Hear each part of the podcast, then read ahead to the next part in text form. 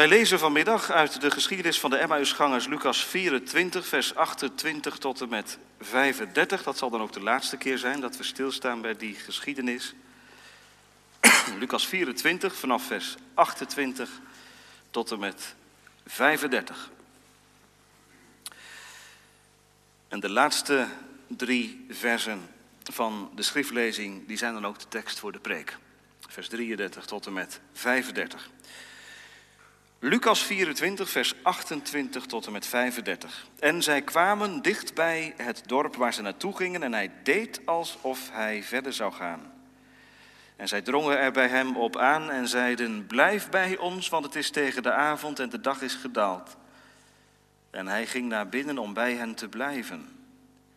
En het gebeurde toen hij met hen aan tafel aanlag, dat hij het brood nam en het zegende. En toen hij het gebroken had, gaf hij het aan hen. En hun ogen werden geopend en zij herkenden hem, maar hij verdween uit hun gezicht. En zij zeiden tegen elkaar, was ons hart niet brandend in ons toen hij onderweg tot ons sprak en voor ons de schriften opende? En op datzelfde moment stonden zij op en keerden terug naar Jeruzalem en vonden de elf discipelen en hen die bij hen waren bijeen. Die zeiden, de Heere is werkelijk opgewekt en is aan Simon verschenen. En zij vertelden wat er onderweg gebeurd was en hoe hij door hen herkend was bij het breken van het brood. Tot zover. Boven de preekgemeente staat geschreven leven van zijn liefde. En laat dat het leven van de dankzegging mogen inhouden voor ons. Leven van zijn liefde. We staan stil bij drie gedachten, drie werkwoorden die vanuit de tekst naar ons toekomen. In de eerste plaats opstaan. Dat lezen wij in vers 33, het eerste gedeelte. In de tweede plaats ontmoeten vers 33 het tweede gedeelte en vers 34. En tot slot ondervinden, vers 35. Zij vertelden wat er onderweg gebeurd was. Leven van zijn liefde, opstaan, ontmoeten, ondervinden. Drie keer een O. Opstaan, dat is de eerste gedachte. Gemeente, weet u nog hoe Jezus de Emmausgangers aansprak toen hij met hen ging wandelen. O onverstandigen en tragen van hart. Ik vraag u, leg die aanduiding eens naast vers 33. Er is niet zoveel meer van over, hè, van die traagheid van hart. In plaats van een traag hart is er een brandend hart gekomen. De vlammen van de liefde van boven slaan eruit. En die zorgen ervoor dat deze Emmausgangers in de benen komen, in beweging komen. Letterlijk. Want we lezen, ze staan op. Ja, dat, dat is heel vanzelfsprekend haast, hè, als we dat lezen. Na de maaltijd sta je op. Nou is dat zo vanzelfsprekend. Het was me nogal een ontmoeting, gemeente. Het was me nogal een maaltijd. Wat een hoogtepunt. Wat een geestelijke heerlijkheden. Wat een genot. De vreemdeling bleek de gastheer. En de gastheer bleek Jezus te zijn. De opgestane. Christus. Ze hebben hem herkend. Hij was zo nabij. Hij deelde het brood uit en zij mochten ervan leven. Proef en zie dat de Heere goed is. Nou, dat hebben ze gedaan. Ze hebben ervan gegeten. En ze kregen er niet genoeg van. En toen was hij ineens weg. Verdwenen. Terwijl het zo groot en zo heerlijk was. Ineens zijn ze weer met z'n tweeën.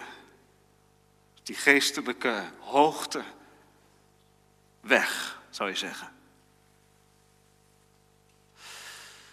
Dan blijft het nagenieten over. Het geestelijke nagenieten van wat ze meegemaakt hebben. En we kunnen ons toch, dat toch heel goed voorstellen, gemeente, dat die twee Emmausgangers dat met elkaar gedaan hebben. Hè? Nagenieten. Zoals wij in het eh, gewone leven, als we een heerlijke maaltijd hebben gehad, tegen elkaar zeggen, nou zullen we nog even natafelen. Het was zo lekker en het is zo gezellig. Laten we nog even niet van tafel opstaan. En dat natafelen kan soms zomaar heel lang duren. Dat, dat geeft iets weer van hoe goed het is om het met elkaar rond de maaltijd over van alles en nog wat te hebben. Dat lezen wij niet. U moet het heel letterlijk nemen. En op datzelfde moment stonden zij op. Het staat er ook met zoveel woorden. Hè? Op dat moment, als die weg is, weggaat, weg verdwijnt, staan ze op. Nadat ze gezegd hebben tegen elkaar, was ons hart niet brandend in ons. Toen hij onderweg tot ons sprak en voor ons de schriften opende. Nou, dat maakt het toch wel bijzonder. Vindt u niet dat deze mensen direct opstaan? Terwijl er zoveel redenen zijn om te blijven zitten. En met elkaar die geestelijke ervaring vast te houden. Te blijven verwijlen bij wat hij aan, aan genade en aan zegen gegeven heeft. Dat zou je misschien ook wel, ook wel hebben gehad, misschien vanmorgen of, of vanmiddag. Het was goed aan de tafel, je werd gevoed, een psalmregel, een lied ging naar binnen. Het trof je, een woord, een tekst.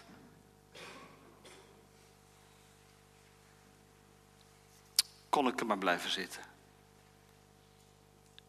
Maar u stond op, jij stond op vanmorgen en dat gold ook voor vanmiddag. We stonden op. En het is weer voorbij.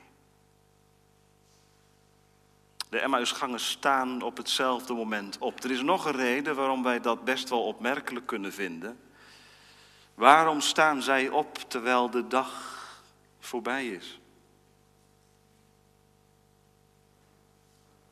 Opstaan, kinderen, dat is toch iets van de morgen? Of niet? Wanneer ga je opstaan?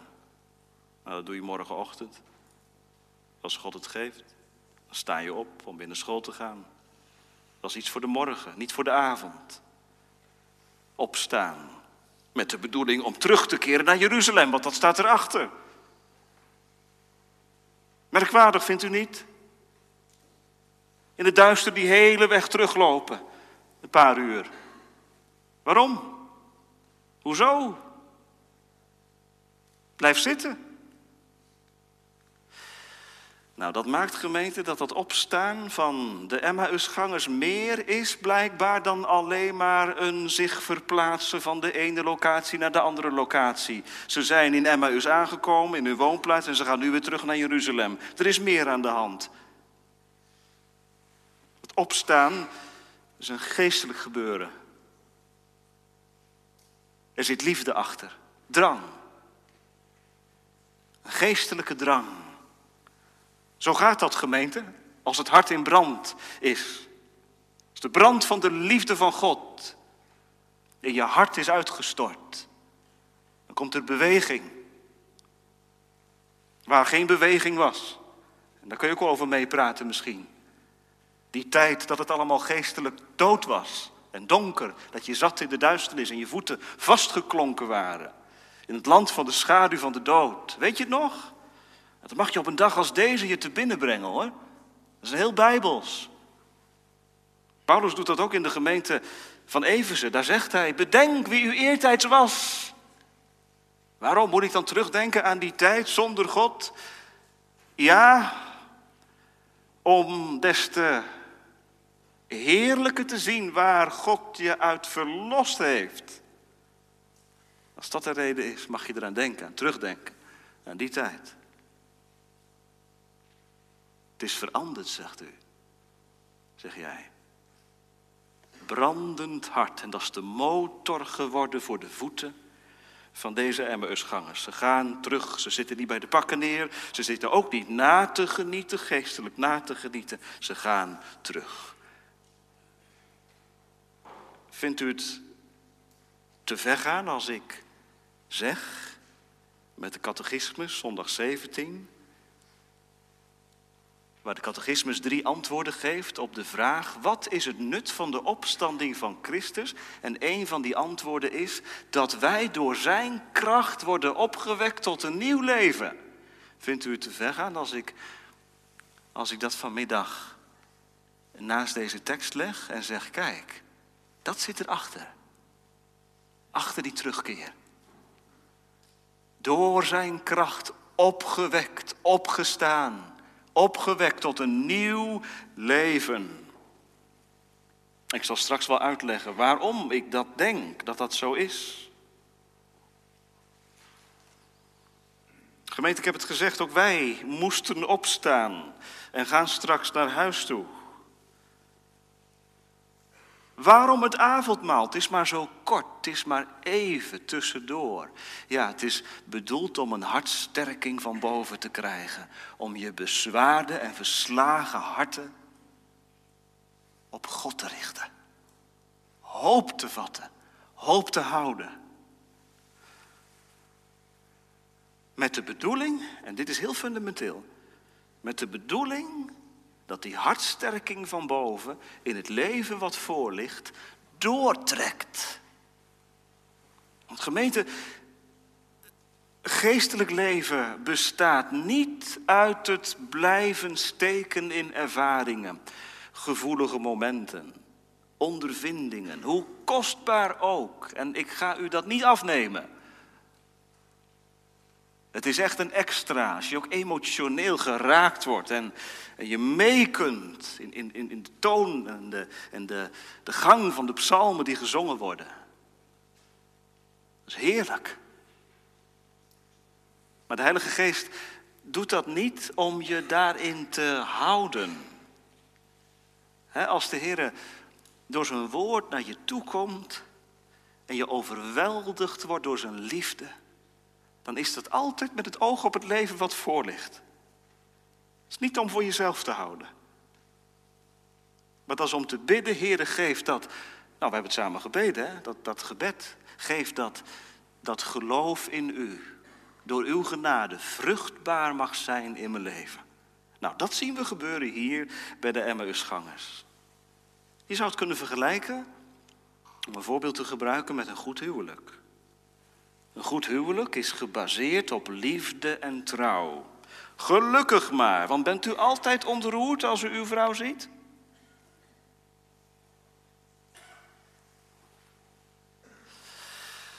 Gaat er altijd van alles door u heen als u uw man ziet? Nee?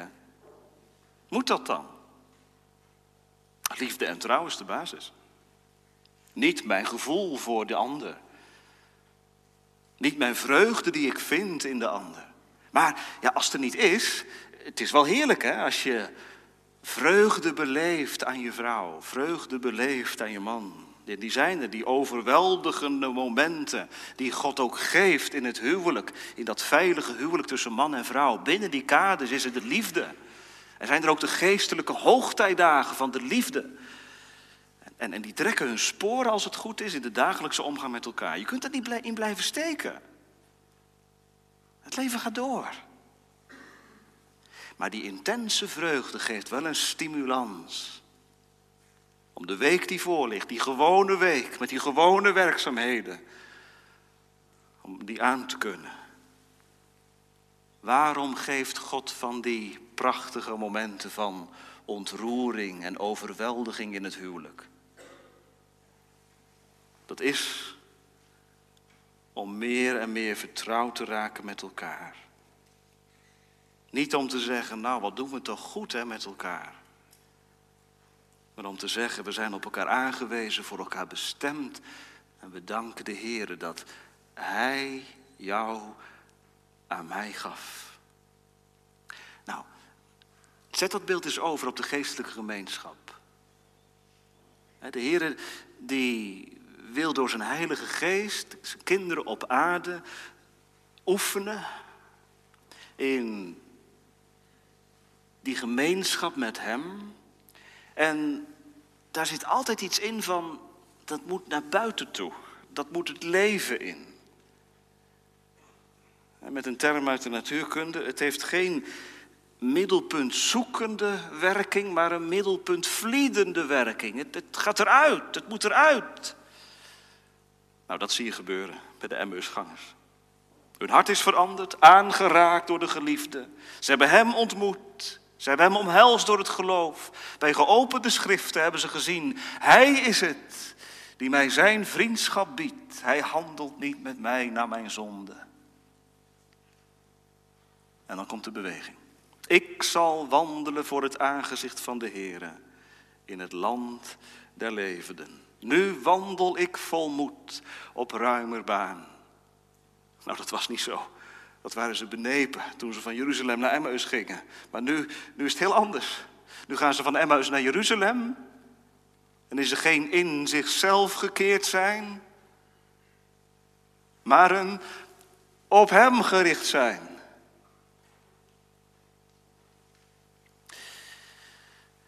Dat hebben we nodig, hè? dat de Heer ons daar steeds weer op wijst.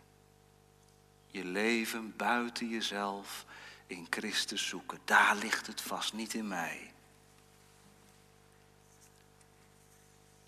Avondmasgangers, is dit het leven niet met Hem?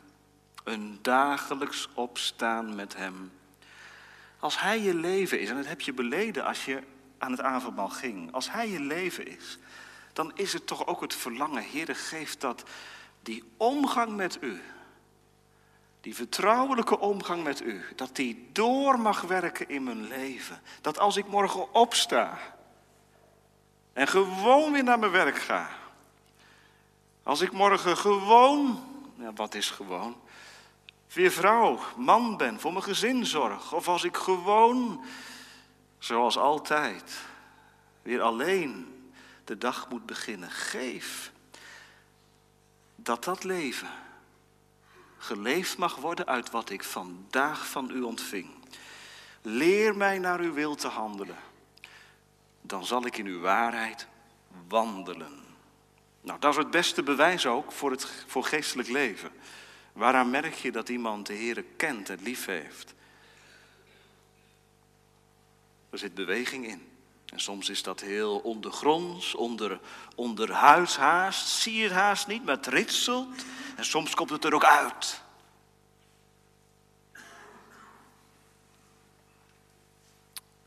En op datzelfde moment stonden zij op. Hebben ze een bevel gekregen om naar Jeruzalem te gaan? Nee, hè? Ze gaan eigener beweging. Nee, dan zeg ik het verkeerd. Ze gaan omdat de Heilige Geest ze daartoe aanzet. Dit is de drang van de liefde.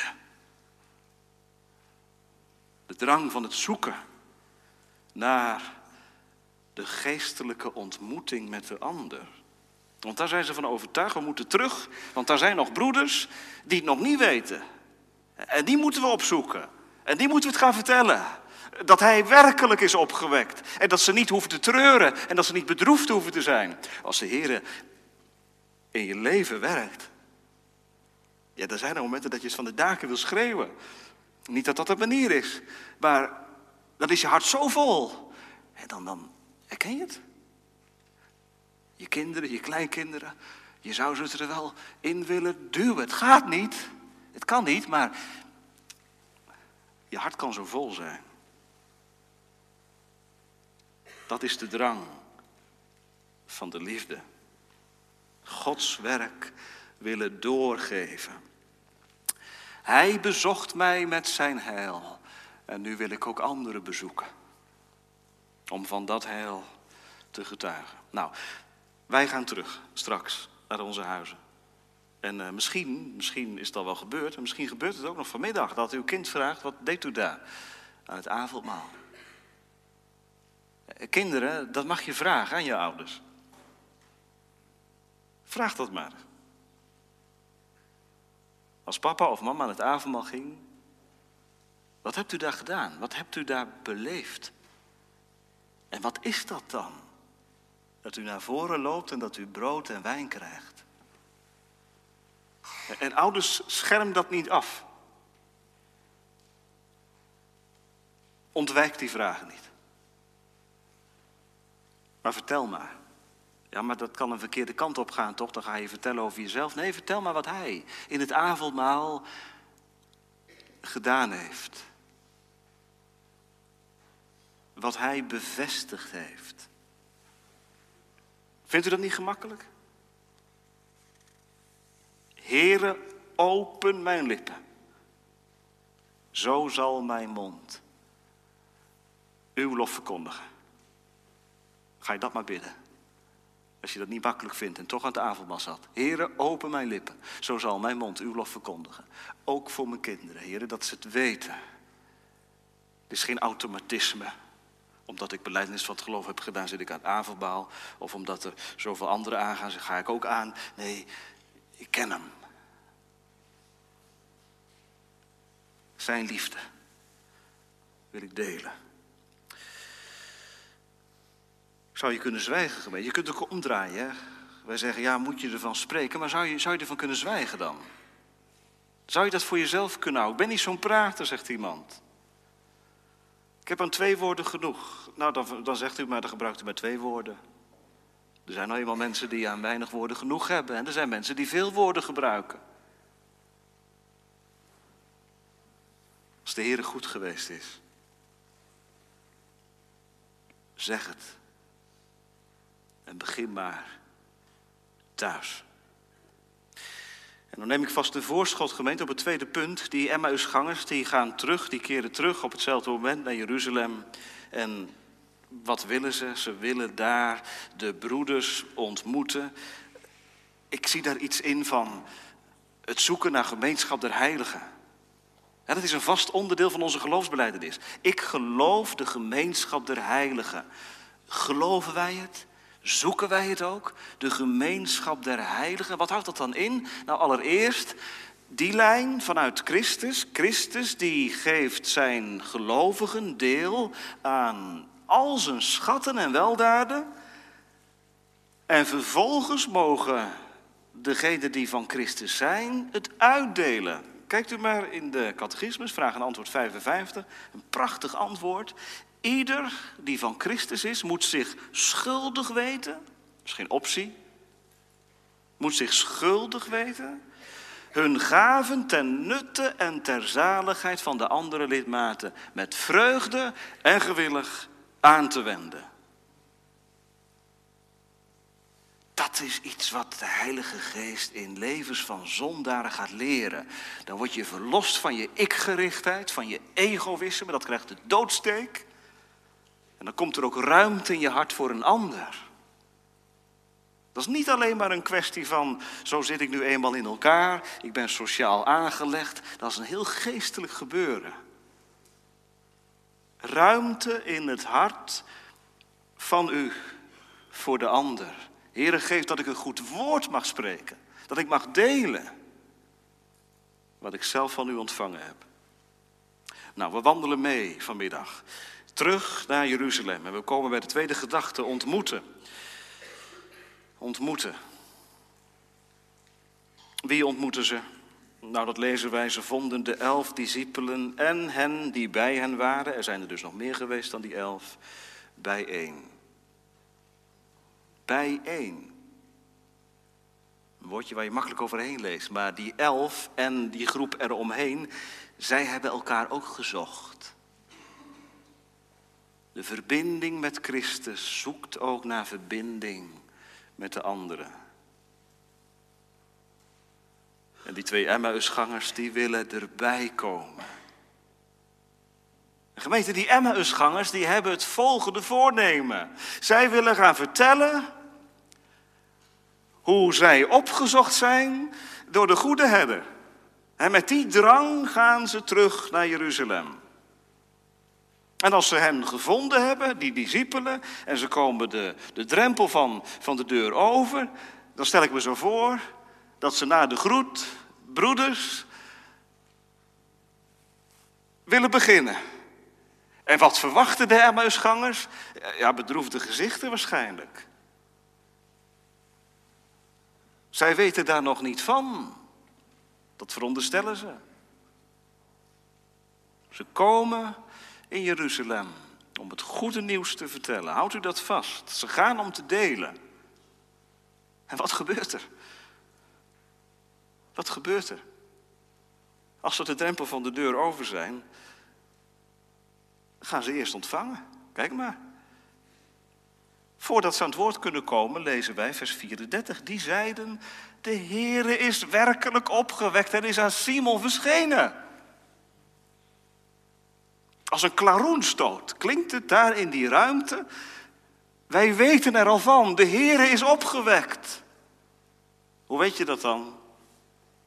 Nou, dat tweede deel van de zin, en is aan Simon verschenen, is eigenlijk het argument voor het eerste. Kinderen, hij is aan Simon, hij is aan Petrus verschenen. We lezen dat in de andere evangeliën. Bijvoorbeeld in het evangelie naar Marcus. Dat Heer Jezus tegen de vrouwen gezegd heeft: Vertel, ik ben opgewekt. Vertel het aan mijn discipelen en aan Petrus in het bijzonder. Zoek hem persoonlijk op en vertel hem: Ik ben opgewekt. En dat is blijkbaar voor die discipelen in Jeruzalem een krachtige onderstreping geweest voor het feit van de opstanding van Jezus. Simon, die is opgezocht en die weet ervan. En zij voeren dat als het ware als een, als een argument aan om die Emmausgangers die binnenkomen te verheugen en te verblijden.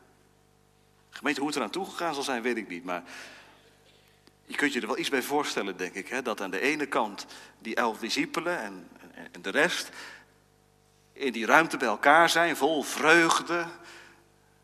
En er komen er twee bij, ook met gezichten van vreugde. En wat gebeurt er dan? Ja, over en weer wordt er gedeeld, wordt er gesproken. Er vindt een werkelijke ontmoeting plaats. Rondom de opgestane Christus. Ik moest denken aan een schoolreisje van de kinderen.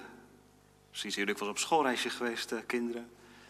Ga je met een bus, de dierentuin of zo, of iets anders. Dan ben je een hele dag weg en dan ga je naar huis toe.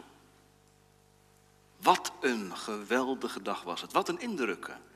En je, en je wandelt de bus uit en misschien moet je dan nog even lokaal binnen om, om af te sluiten voor de dag. En dan vraagt de juf of de meester, en? Hoe vonden jullie het? Nou, ik wil wedden dat het dan niet rustig blijft in de klas.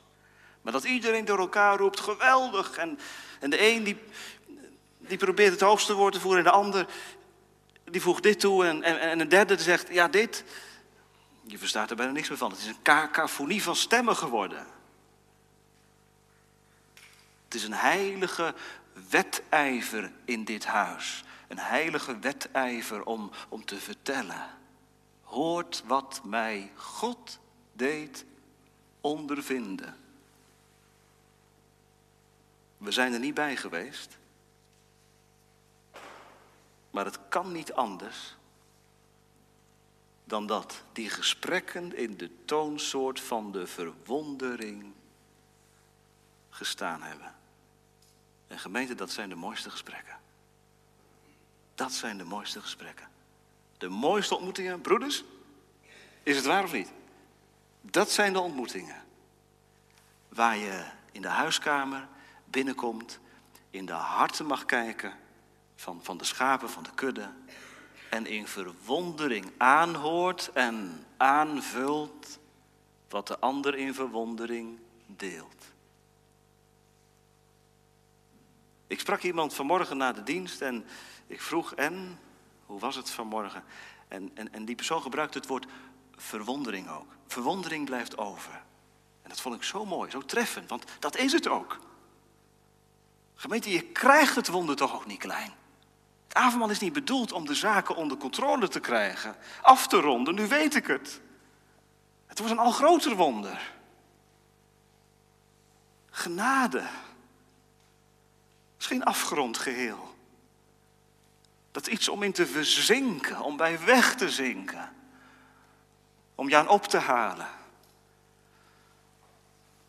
Toonsoort van de verwondering. En ik hoop natuurlijk dat u in de gemeente ook over en weer van dit soort ontmoetingen hebt. En ze zoekt. Ik las bij Spursie vanmiddag. kan soms lijken in de gemeente, schrijft hij, alsof iedereen woont op een eiland. Ik hoop niet dat dat hier zo is.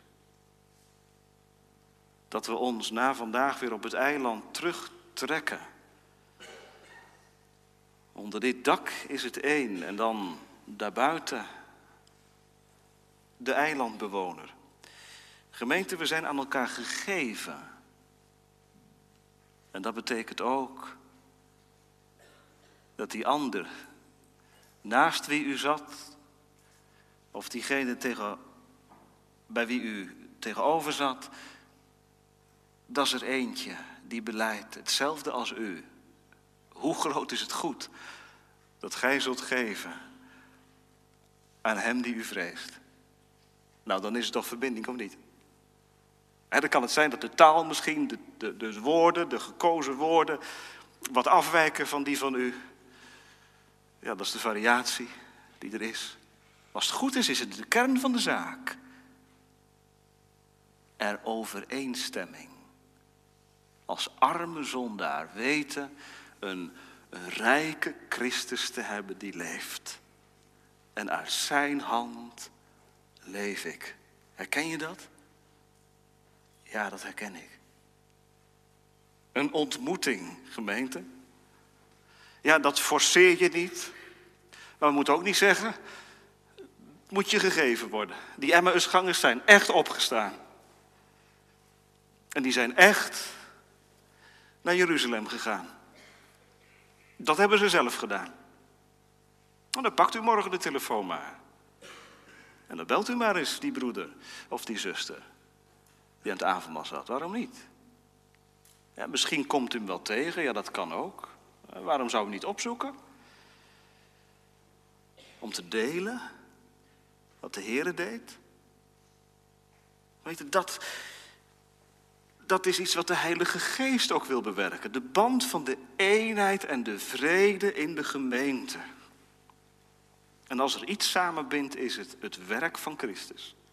In alle diversiteit, in alle verscheidenheid zal dat samenbinden.